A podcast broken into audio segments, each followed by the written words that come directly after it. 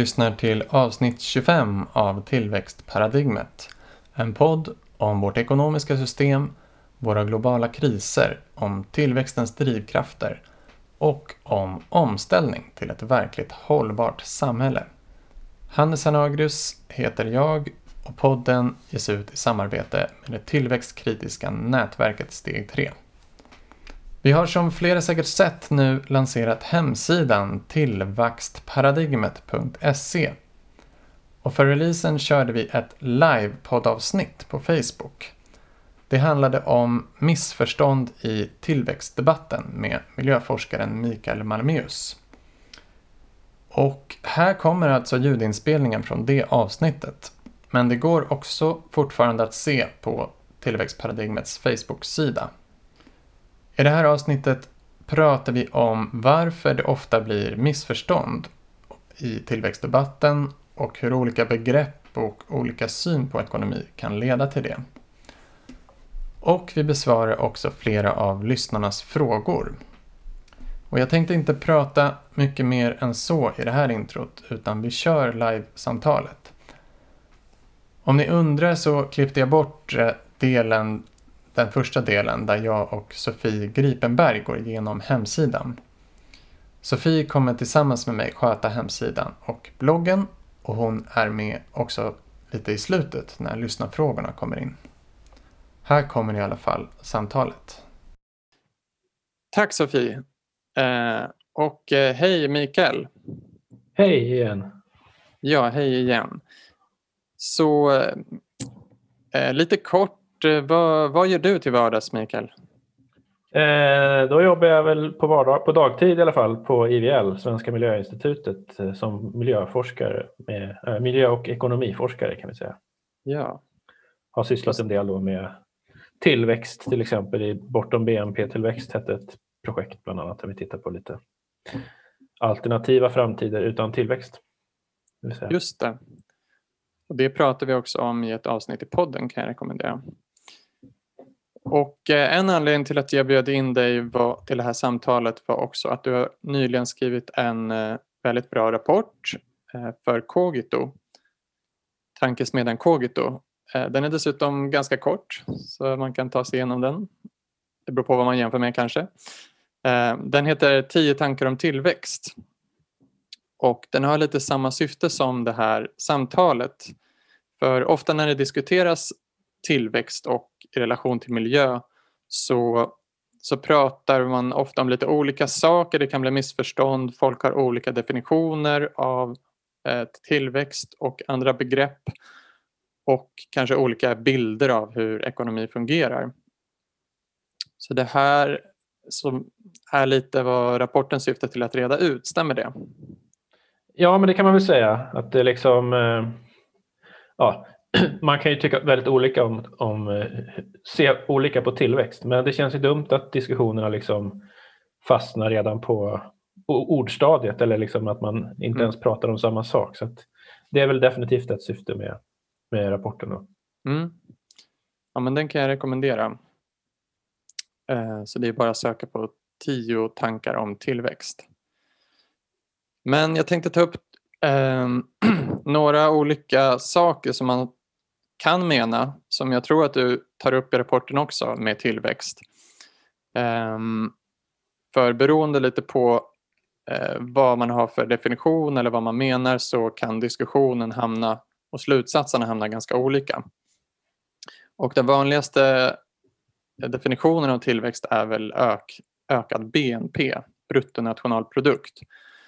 Och då eh, menar man oftast ökad BNP per capita, alltså eh, om man delar den på befolkningsmängden. Men eh, man kan ju också prata om tillväxt som att vissa delar av ekonomin växer. Att kanske en viss sektor växer eh, eller en viss eh, inkomstgrupp eller så. Eller vissa länder i världen och så. Och det behöver inte betyda att helheten växer då. Eh, och sen så är det ganska, tillväxt ofta ganska synonymt med eh, nytta, eh, olika positiva saker som ökad materiell standard, eh, kanske bättre kvalitet på produkter och tjänster. Och andra menar eh, eh liksom generellt nya innovationer och utveckling av liksom, innehållet i ekonomin. Och sen har vi också ökat välbefinnande, väl, välfärd och ofta syftar man också på kanske sysselsättning och jobb. Så hur skulle du säga att eh, det, eh, det, påverkar eh, diskussionen och slutsatserna av liksom vad vi menar? Kan det göra att vi pratar om varandra?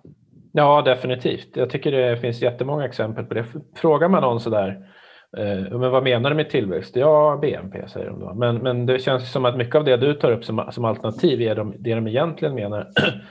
jag, jag, ett exempel som bara flög upp i huvudet medan du pratar här nu, det var ju en, en ledare i Dagens Industri ganska nyligen när han skrev att eh, det är idiotiskt att vara emot tillväxt för att vi behöver ju tillväxt av solenergi och mm. eh, av vindkraft och sådär för att, för att klara omställningen. Mm. Eh, och, och här, om vi då liksom ifrågasätter att BNP ska öka så betyder inte det nödvändigtvis att vi ifrågasätter att vi ska ha mer vindkraft eller mer... Alltså där har vi ett, ett uppenbart missförstånd. Liksom att bara för att man ifrågasätter mm. BNP-tillväxt så är man emot alla former av utveckling eller alla former av att någonting överhuvudtaget ska kunna växa. Det vill säga, ja, och vad ens betyder växa då? Betyder det att öka i storlek eller betyder det att eh, Precis. Eh, utvecklas på något sätt? Så det, det, finns, det finns alla möjligheter till missförstånd här. Mm. Ja, men tänker vi kommer in på det där som du pratade om igen sen, eh, att vissa delar av ekonomin kan växa medan andra kanske kan minska. Men eh, jag har också mött den här funderingen från många Vissa tycker att det är jätteviktigt med tillväxt, att det verkligen behövs och det kan bero på en ideologisk uppfattning. Vi måste ha tillväxt för Eh, att vi ska få bättre välfärd, få bättre materiell standard och så. Andra tycker att det är mest negativt. Man kopplar ihop det med alla, eh, all miljöförstörelse och utsläpp som sker på grund av tillväxt. Mm, Medan jag också mött den här eh, tanken om att det är ganska meningslöst att prata om tillväxt. Varför är det viktigt? Eh, det är liksom, vi ska väl satsa på det vi vill ha i ekonomin och sen om helheten växer eller inte, spelar det någon roll? Eh, varför skulle du säga att det ändå är meningsfullt att eh, prata om tillväxtfrågan? Av massa skäl egentligen. Det första är väl kanske att, att vi har eh, väldigt mycket tillväxtstrategier. Det är vi är ju helt liksom fulla av liksom lagtexter där det står att vi ska ha tillväxt. Vi har mm. eh, ja, alla partiprogrammen pratar om tillväxt. Alla, vi har myndigheter som heter Tillväxtverket. Vi har EUs stabilitet och tillväxtpakt. Vi är helt enkelt liksom helt inkörda på det. Så att, att överhuvudtaget liksom, eh, om man nu konstaterar att ökad BNP trots allt i, i normalfallet in, det är problematiskt. Det, det, tror jag de flesta som lyssnar på det här tycker. Men det, det, kan man också diskutera. Men, men eftersom många av oss tycker det så, så, kan man ju se att alla de här strategierna som finns för tillväxt naturligtvis måste ifrågasättas. Mm. Eh, och det andra är väl liksom kanske då att, att man ofta fastnar i detaljer kring, kring liksom att jag kan också tycka att liksom, den mest smartaste politiska strategin kanske inte är att sätta sig och försöka hitta olika politiska förslag som ska minska tillväxten så mycket som möjligt. Det, det är inte det jag menar med tillväxt. Det är inte så jag tänker mig liksom avancerad. Det är väl få tillväxtkritiker som menar det heller, att det skulle vara strategin. Liksom. Däremot menar ju många motståndare att det är det som tillväxtkritik går ut på, mm. så det är också ett missförstånd. Men, men mm. Eh, nej, precis, absolut, det är väldigt få som menar det. Mm. Eh, men däremot så tror jag ju att man ofta fastnar i, i just Eh, nej, vad jag menar, jag, därför kan jag tycka att den är klok strategin. Att det vi egentligen behöver göra rent politiskt det är väl liksom att sätta upp mål med minskade klimatgaser mm. och minskad materialuttag och sådär. Så det liksom, mm. och, och, när vi gör det då kommer vi nästan säkert märka att BNP minskar och då, då är väl inte det ett problem kanske enligt den här strategin. Mm. Problemet är ju bara att vi har en grundläggande logik i, i, i samhällssystemet. Det är så, inte just bara i det ekonomiska systemet, det kanske överhuvudtaget att vi liksom fortfarande är på en resa mot högre och högre levnadsstandard. Och vi måste ju på något sätt förstå tillräcklighet också. Alltså vi, är ju, vi vet ju alla att vi lever på liksom, över planetens gränser och att då, att då fortfarande prata om växa, det behöver den diskussionen. Liksom. Vi behöver mm. det liksom grundläggande förändrade skiftet i hur vi ser på samhällsorganisering och ekonomi. Så där. Och, därför tycker jag att tillväxtkritik är viktig, även om man liksom inte mm. i enskilda fall kan liksom, med statistik belägga precis varenda, liksom, att all tillväxt alltid är det ena eller andra. För så, det finns ju alltid en massa detaljer. Mm. Men jag tror att det är liksom den övergripande synen på, på mm. det som behöver diskuteras. Det tror jag är liksom det mest grundläggande viktiga. Vi kommer liksom inte vi kommer inte ha en hållbar ekonomi förrän vi har en annan logik. Jag tänker också, mm. en del tänker att ja, vi måste vänta med den här diskussionen för klimatomställningen är ju så väldigt bråttom och mm. i det nuvarande ekonomiska systemet så, så, så, behöver vi tillväxt. Vi får vänta för vi hinner liksom inte byta system. Men jag tycker tvärtom. Alltså, ska vi, alltså det tar ju otroligt lång tid att ändra på sådana här saker. Mm. Eh, och menar, om vi nu tänker att skulle vi börja ändra på det här så kanske vi får en förändring om 20-30 år. Mm. Jag menar, det, om vi börjar om 20-30 år att ändra på systemet, vad händer då? Liksom? Mm. Precis, det finns ju en, en, ett argument som är liksom vi behöver tillväxt för att kunna få finansiellt kapital eller få resurser att kunna investera i grön teknik och grön infrastruktur och så. Vilket jag tycker är lite bakvänt sätt att tänka på för eh, vi kan ju inte liksom växa den ohållbara ekonomi som vi har nu för att kunna få finansiella resurser att satsa på grön teknik utan i så fall måste ju det vara själva omställningen som i så fall genererar tillväxt. Ja, möjligen. Liksom. Precis, absolut. Möjligen. Ja. Eh, Nej, men finansier sen... Finansiering är ju en sån där överskattad fråga. Eller på säga. Det är klart mm. att man måste få pengar till saker och ting men, men det ska ju tas från Ja, vi ska ju använda de resurser vi har, alltså vår arbetskraft, mm. Mm. Eh, våra naturresurser och vårt kapital till att bygga det där. Vi kan, vi kan, det mm. skapas ju inte i finansvärlden. Det är inte finansvärlden som skapar de resurserna. Nej. De finns redan i den mån vi har dem. Det, de kommer inte att liksom ramla ner från himlen genom några smarta aktieaffärer. Liksom. Nej, precis. Um, och eh, vad skulle jag säga om det? Ja, nej men jo, men alltså att när vi gör den här gröna omställningen så ska vi också bygga en massa saker. Eh, ny förnybar energi, nya elnät och infrastruktur, nya tekniker. Det är ju också saker som har en väldigt stor miljöpåverkan i dagens ekonomi eftersom eh, det kommer göras med massor av naturresurser och massa fossil energi. Och just därför så behöver vi samtidigt som vi gör den omställningen, för om vi inte gör någonting åt liksom den nuvarande konsumtionen så kommer ju det resultera till ökade utsläpp snarare om vi lägger på det ovanpå, vilket är mycket det som händer nu. Mm. Och det är väl därför vi vill ha den här diskussionen nu och inte sen.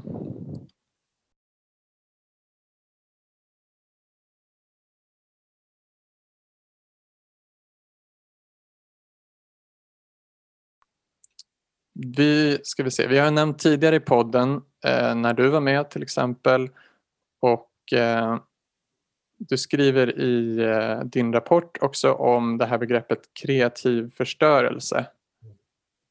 Som var en ekonom som hette Peter Schumpeter som ja, kom, kom på, kan man väl säga. Um, vill du berätta lite om vad det här begreppet är och varför det kan hjälpa oss att förstå hur en omställning kan ske? Ja, alltså det, det är ungefär, jag, jag har i min rapport så jämför jag med en skog. Det är väl så jag tycker att det är. Man kan tänka sig en naturskog då, kan vi väl kanske tillägga. Mm. För där växer det ju väldigt mycket hela tiden. Men skogen blir ju inte större för det, utan det är, det är en organisk omvandling hela tiden där, där träden växer, men sen faller de till marken och dör och så kommer det nya träd. Och Josef Schumpeter han beskriver lite på samma sätt ekonomin då, att liksom, företag eller olika verksamheter, eh, de har samma förlopp då som ja, jag vet inte om han skriver om träd, men så, som mm. organismer. Som att mm. När de blir gamla och uttjänta då, då dör de liksom, och då kommer det nya. Och det är, liksom, det är så utveckling går till. Och det mm. betyder ju inte att, alltså, nu tycker jag inte Schumpeter är ingen tillväxtkritiker på något sätt. Det är, det är inte, man kan inte läsa honom i det perspektivet, men däremot så att se kreativ förstörelse som en möjlig väg till en omställning det är väl liksom så jag tänker också att när man pratar om att vi måste ha tillväxt, för vi måste ju ha mer solenergi och mer, eh, mer förnybar energi och sådana andra, andra saker mm. vi behöver, eh, så, så måste det i så fall ske i form av en kreativ förstörelse, att vi, mm. vi bygger upp den förnybara energin på ruinerna av den fossila ekonomin. Så, att säga. så det, det ska inte innebära att ekonomin expanderar. Och, och så är det ju väldigt mycket nu hittills att vi logiken är ju att vi, vi gärna stimulerar det som är bra. Vi Mm. stimulerar den cirkulära ekonomin, vilket leder till ökad materialanvändning. Alltså sen vi började liksom på allvar eh, ja, jag vet inte om vi fortfarande riktigt har kommit igång med cirkulär ekonomi, men åtminstone är det ett ökande inslag. Men faktum är att vad gäller materialanvändning så har vi en återmaterialisering av ekonomin, det vill säga man brukar prata om frikoppling, att, att eh, då finns det ju relativ och absolut frikoppling. Mm. Och eh, absolut frikoppling är ju att miljöpåverkan minskar medan ekonomin ökar, eller BNP ökar. Relativ frikoppling innebär att ekonomin ökar fortare än miljöpåverkan. Eh, Och det har man ju sett tidigare då, att, liksom, att ekonomin har gått mer och mer mot tjänster, så även om ekonomin växer så växer inte materialanvändningen riktigt lika mycket.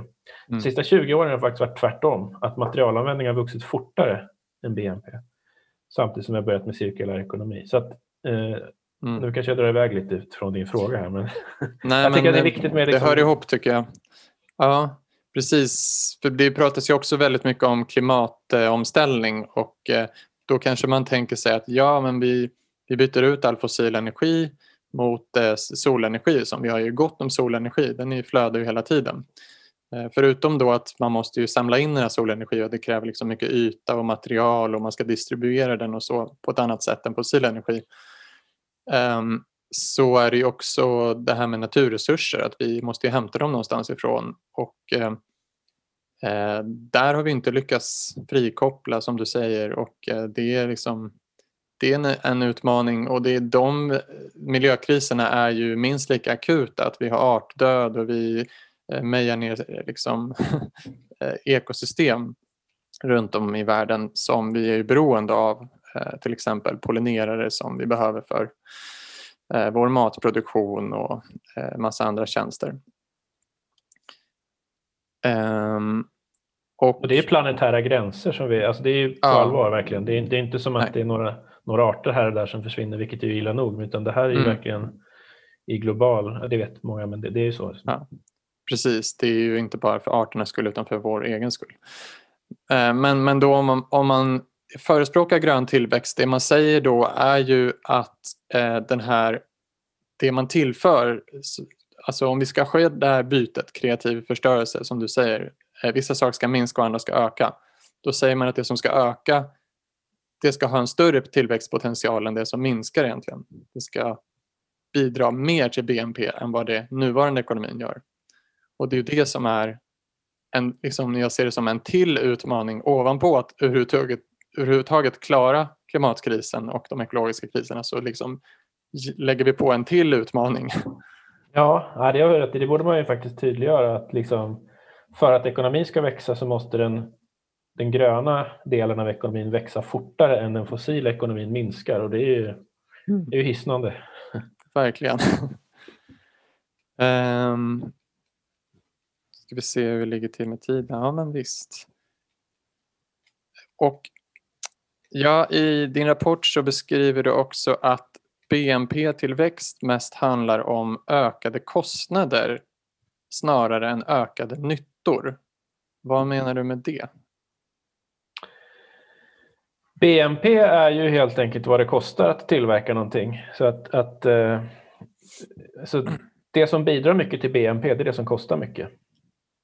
Och saker som inte bidrar till BNP det är ju liksom digitala saker. Där liksom, när saker och ting blir enklare och enklare att göra och man, det krävs mindre och mindre resurser för att tillverka dem så, eh, så, så ökar ju BNP mindre och mindre. Och en del statistiker och ekonomer menar att det här fångar man upp med något som kallas för fastprisberäkningar men det kan man lätt visa att det stämmer inte alls.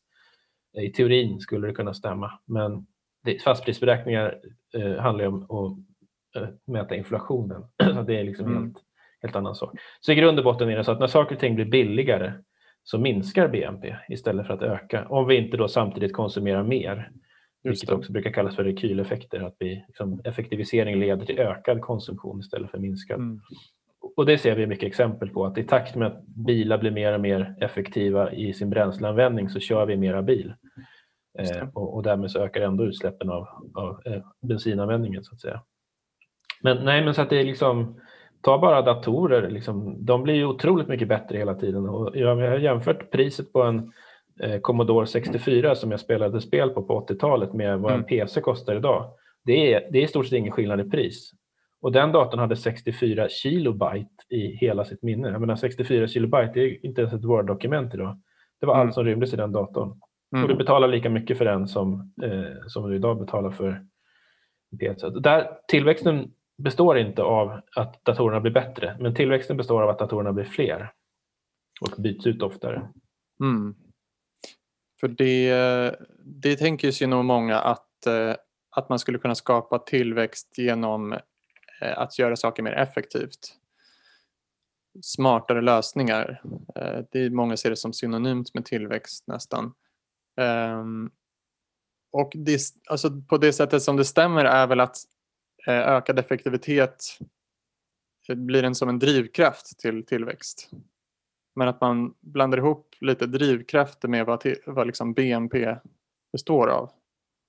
Ja, precis. Det är ett farligt argument det där. Det kommer en böcker nu sista året, bland annat som heter Mer för mindre av Andrew McAfee som är väldigt hyllad och där han ger massvis med exempel på hur vi lyckas skapa mer och mer, resurs, eller mer, och mer varor och tjänster med mindre och mindre resurser, vilket Mm. Jag har inte läst boken i sin, sin helhet men jag, jag har lite koll på den och det liksom handlar ju om just de här genombrotten, hur man faktiskt kan bli effektivare.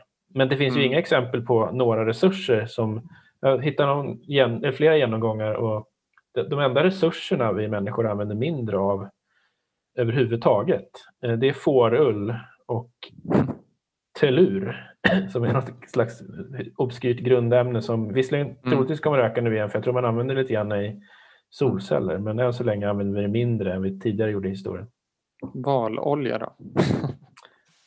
uh, ja, det kanske inte var med i genomgångarna. Nej. I stort okay. sett är det i alla fall väldigt få resurser vi, mm. vi använder ja, mindre av. Det, är lite, det börjar bli rätt komplicerat det där när man pratar om effektivitet. Mm. Ja, och vi fördjupar ju det lite i en diskussion i podden också.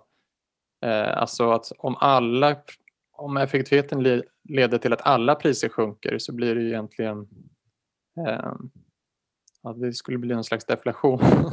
och om man liksom tvärtom skulle ökad kvalitet eller skulle tänka att vi betalar mer för att vi får liksom, att vi upplever att alla varor blir mer och mer bättre eller får en bättre kvalitet så vi betalar mer för alla varor då är det en allmän prisstegring som egentligen inflation.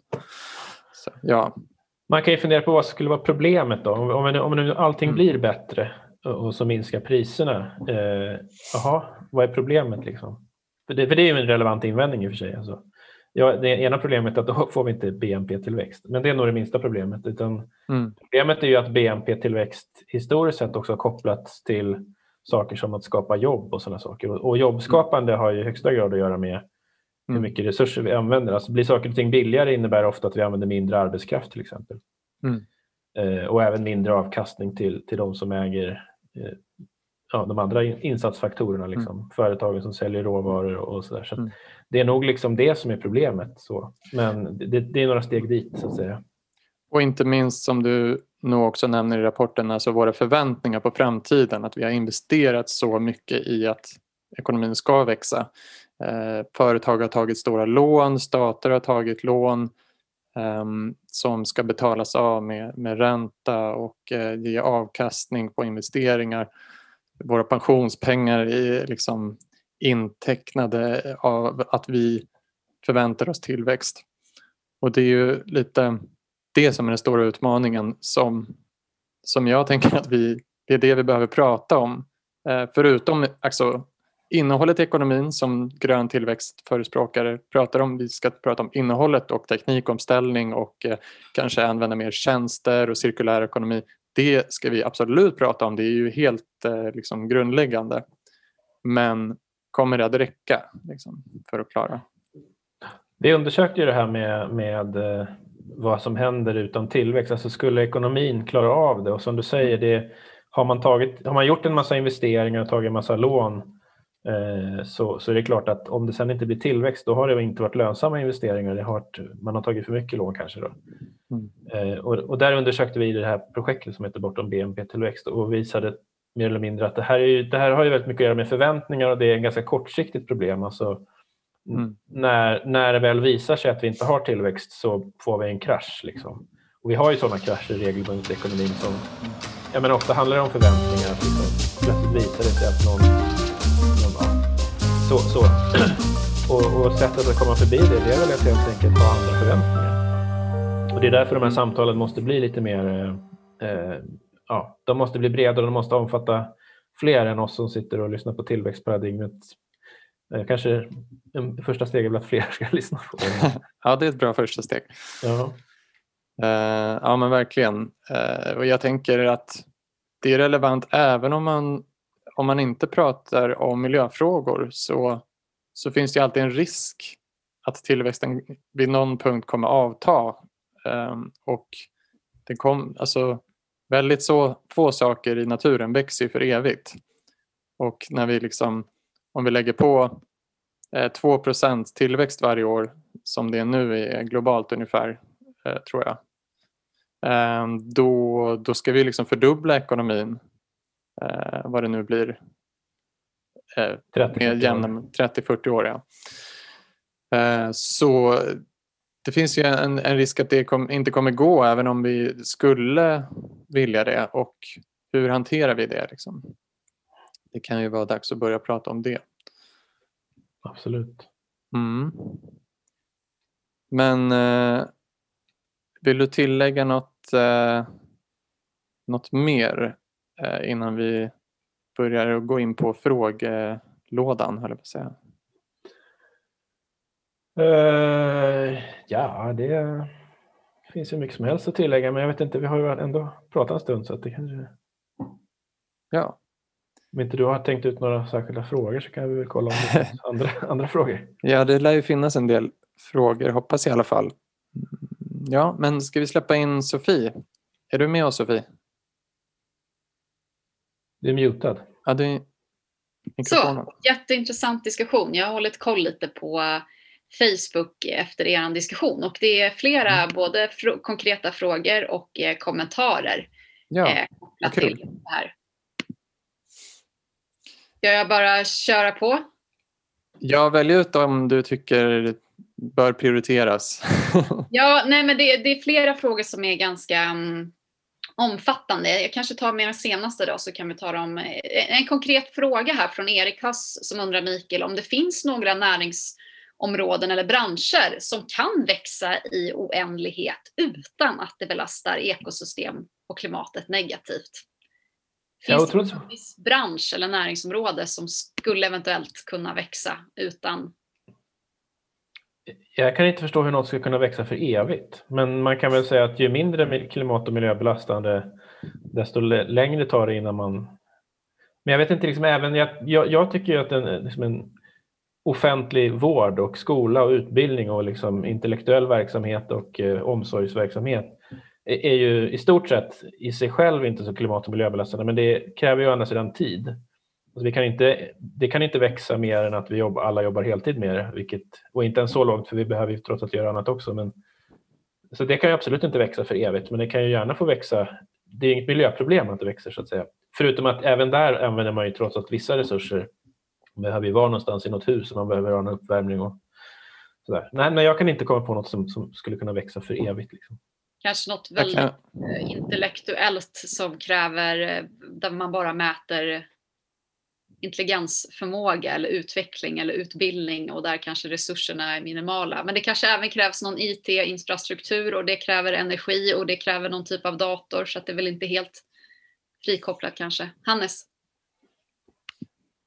Eh, ja, nej, frågan är väl hur, hur det ska växa. Vad är det som gör att det, det liksom växer? Det är en sak att det, att det blir om, om, om du säger att det är poddar som ska växa, intellektuella poddar, då kan ju innehållet förbättras hela tiden. Vi kan bli smartare, vi kan ju, det blir mer intressant eh, och eh, vi kan, eh, fler kan lyssna på det.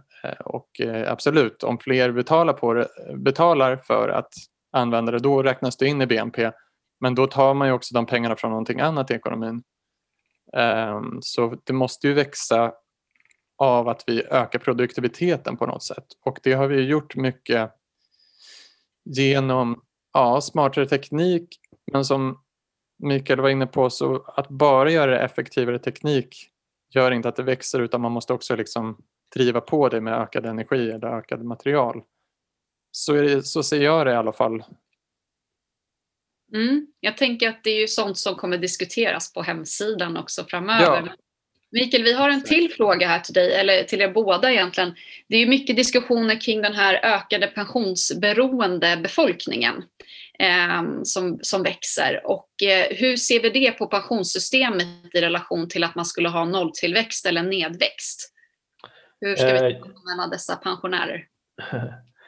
Ja, alltså, jag tror ju inte att eh, finansieringen av pensionssystemet har så mycket med tillväxten att göra. Alltså det, börsen kan inte växa fortare än ekonomin och det är, det är liksom den nuvarande ekonomin som försörjer pensionärerna. Det är liksom en, en illusion att tro att pensionärerna har sparat de resurser som de idag sen, som pensionärer ska använda. Det kommer fortfarande vara vi som jobbar nu, vi som producerar saker nu som försörjer pensionärerna.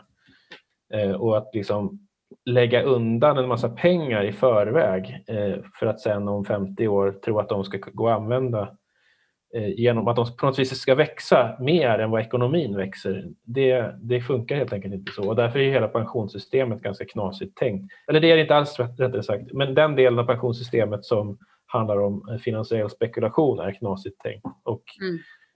Men den stora delen av pensionssystemet är ju inte det sån, utan det är väldigt mycket som är pay as you go, att liksom det är ja, vi försörjer pensionärerna helt enkelt på samma sätt som vi försörjer våra barn och, och våra sjuka. Så, där.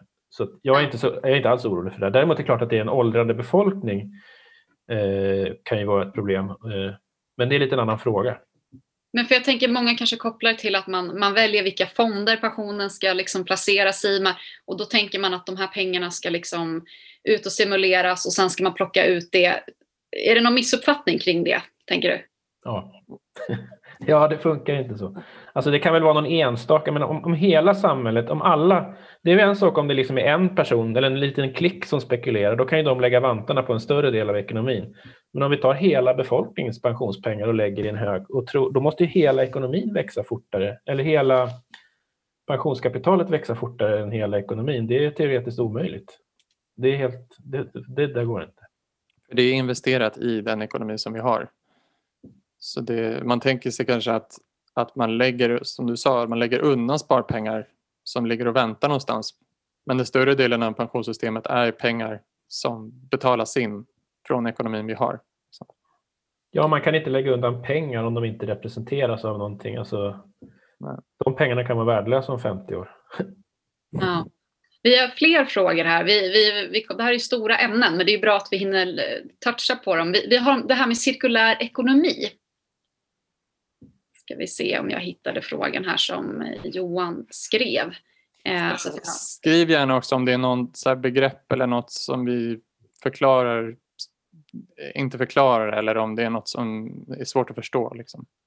Ja, det kan jag tänka mig att det kan vara.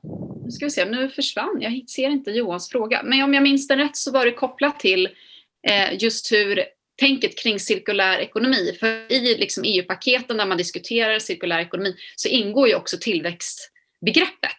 Och att allt, allt kan inte cirkulera i evighet. Hur, hur ser du på, jag tror att det var liksom just den, kan vi ha en cirkulär ekonomi utan en tillväxtekonomi eller hänger de ihop eller vad, vad är tanken där?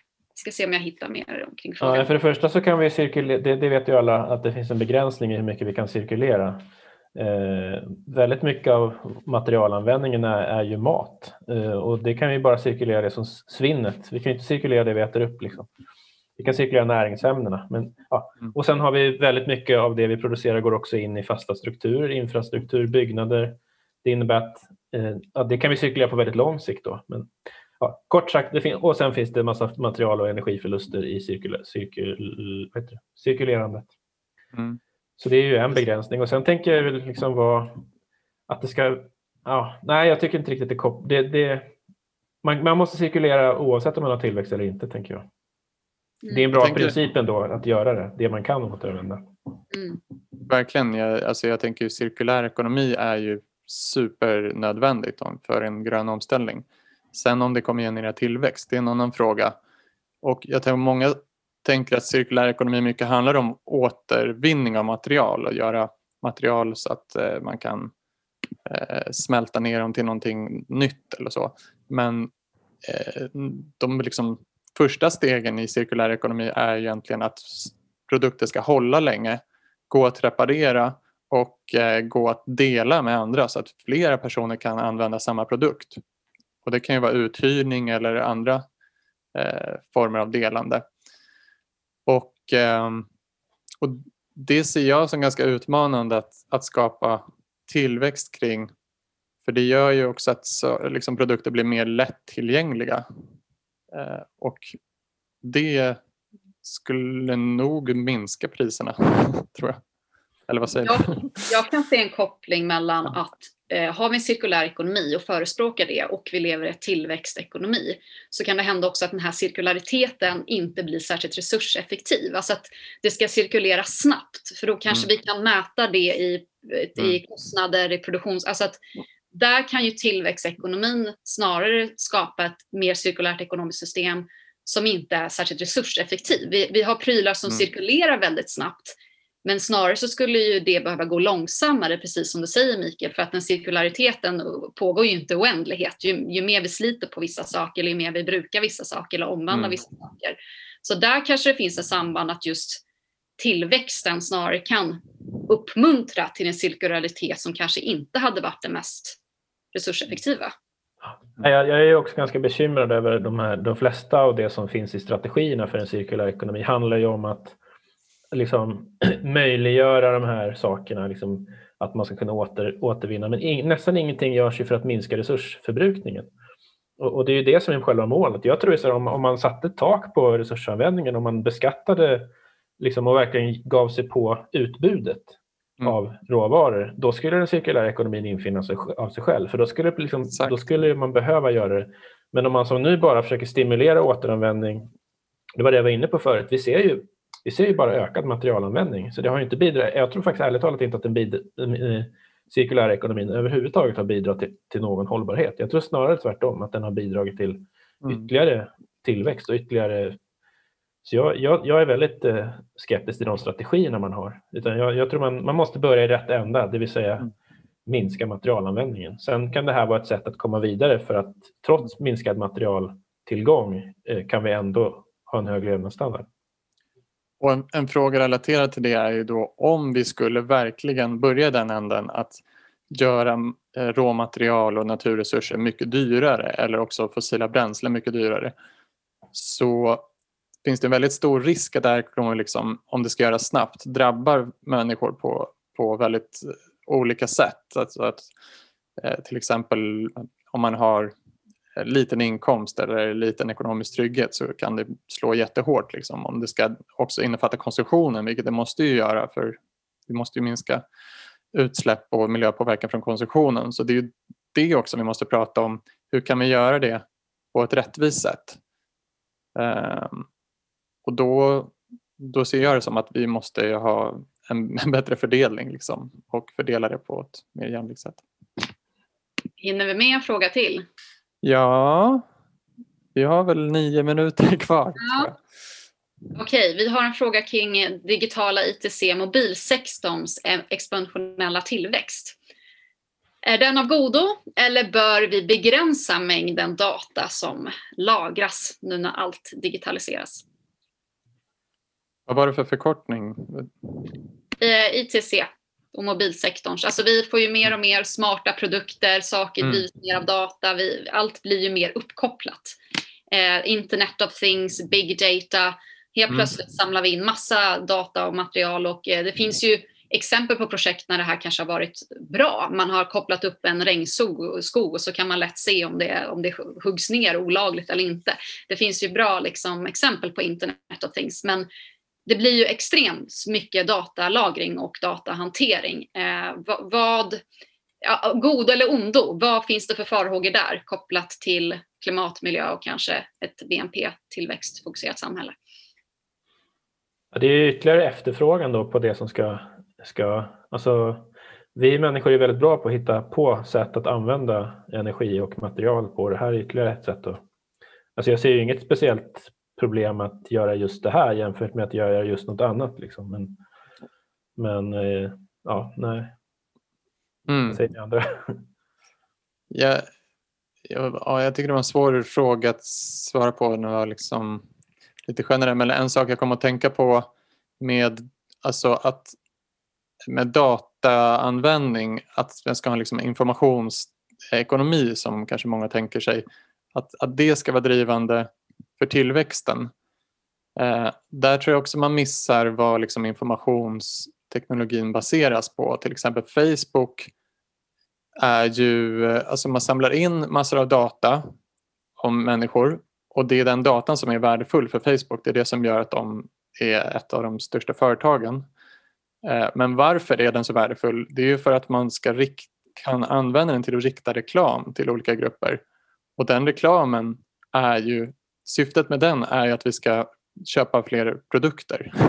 Och de produkterna har ju ofta miljöpåverkan. Så liksom, det som driver Facebooks tillväxt är ju inte liksom luft utan det är ju också eh, en materiell ekonomi. Liksom. Ja men precis, att där, jag tänker också att det är lätt att se att det digitala är frånkopplat det fysiska. Mm. Allting som bärs upp digitalt kräver ju materiella fysiska resurser oavsett om det är mm. energiförbrukning eller prylar för att hantera mm. det här. Och där finns det väl liksom en övertro, tycker jag, kring digitalisering. Att men vi slutar flyga, vi slutar göra det här, vi slutar göra det här, men vi ska fortfarande utvinna resurser som ska bygga upp den här infrastrukturen mm. och ha energin och kapaciteten att bevara all den här datan och lagra den. Men sen är det som du Hannes, jag säger också liksom frågan kring big data, internet of things, det, det kan ju driva på en ohålls, ohållsam ekonomi, vilket det troligtvis gör mycket idag.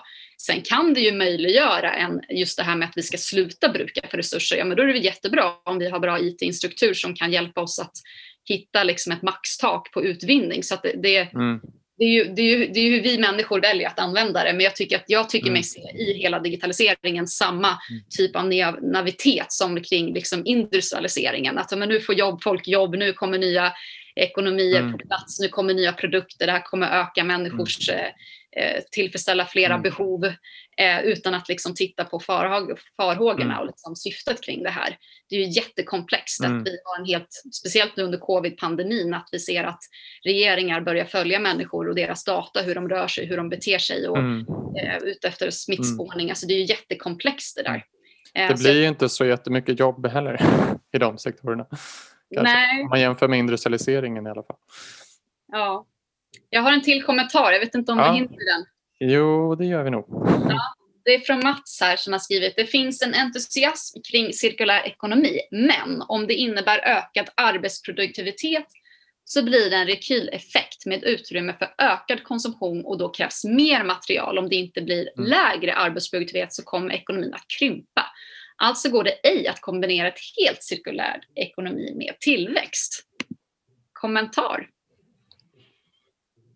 Ja, om man ser det som en typ av effektivisering då så får man en rekyleffekt tror jag jag läste in där. Eh, för det är klart att... Eh, rekyleffekt är? Bra. Eh, att, att, vi, att vi använder effektiviseringen till, eh, alltså, till ytterligare konsumtion, ytterligare produktion och konsumtion. Mm. Slår eh, tillbaks. Det slår tillbaks med rekyl, ja. Mm. Mm. Jag tänkte, vi har inte många minuter kvar och jag skulle mm. verkligen vilja slå ett slag för er som har tittat att snälla skriv upp er på nyhetsbrevet på hemsidan. Om ni har Instagram, följ oss gärna på Instagram. Eh, och sen fick jag en fråga Mikael, om du har några sociala medier där du skriver en hemsida där man kan följa dig lite bättre? Inte regelbundet faktiskt. Nej. Eh, ja. Du kanske vill skriva för bloggen? Kanske det. Ja, jag får inte ur med så många texter om året för jag skriver långsamt. Men eh, mm. det kan väl vara Finns en efterfrågan i alla fall. Ja, roligt att höra. Ja. Mm. Jag har skrivit lite artiklar ibland sådär i Syre och Grön opinion och sådär vad de heter, lite olika. Men det blir inte så mycket. Eh, det är ganska lagom nivå för mig. Mm. Men en blogg, bloggpost då då kan väl vara trevligt. Mm. Um, precis. Um, så uh, Följ hemsidan, Instagram, eh, lägg till kanske hemsidan som favorit. och eh, Ja, men man kan också, om man vill liksom stödja vårt projekt, att vi ska kunna utveckla det här, så har vi också en Patreon som inte har utvecklats så mycket. Men den, längst ner på hemsidan så finns det en knapp, stöd vårt projekt. Där kan man trycka. Då kan man bidra med några kronor varje månad om man vill. Eh, om man vill bara göra en engångssumma så då kan man swisha. Men eh, vi har ingen föreningsswish så då får man swisha till mig. Men vi kan ju, eh, det är 073 210 2336 om vi kan skriva det sen kanske. Men eh, är det något mer vi vill säga? Men jag vill bara tacka alla som har tittat. Eh, ni kan också Det dela också, den här ja. föreläsningen på Facebook. Eh, Nu när, ni liksom, när vi stänger ner, att det står share där nere, så kan ni ju dela den i, på era egna sidor. Det hade ju verkligen uppskattats om ni vill göra det och dela hemsidan i era egna kanaler så att vi sprider det här ämnet till fler så att vi inte bara når de reda, redan frälsta utan att fler Mm. personer känner att de kan börja lära sig de här frågorna, utbilda sig och börja. Det här är ju skapa ett nytt ekonomiskt system kräver ju en väldigt stor demo, demokratisk eh, diskussion för att det ska bli så hållbart som möjligt. Så att det här är en diskussion som behöver nå fler. Och jag och Hannes representerar inget eh, partipolitiskt program. Det här är helt ideellt. Vi, vi gör det här för att vi tror på folkbildning. Eh, men vi hoppas på att kunna skapa opinion också. Eh, så sprid gärna era nätverk. Bra sagt. Ehm, ja, men jag vill också tacka Mikael för att du var med och eh, bidrog med dina kunskaper.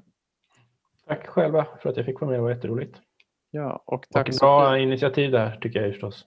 Mm, Med hemsidan och bloggen och podden. ja, så lyssna på podden och eh, om ni har fler frågor så kan ni mejla mig. Eh, Kon- min mejl finns under kontakt på, på hemsidan också. Tillväxtparadigmet gmail.com. Men tack för all, alla frågor och alla som lyssnade. Och eh, ja, ha det så bra. Tack, ha det bra. Hej då! Ja, det var det live-avsnittet.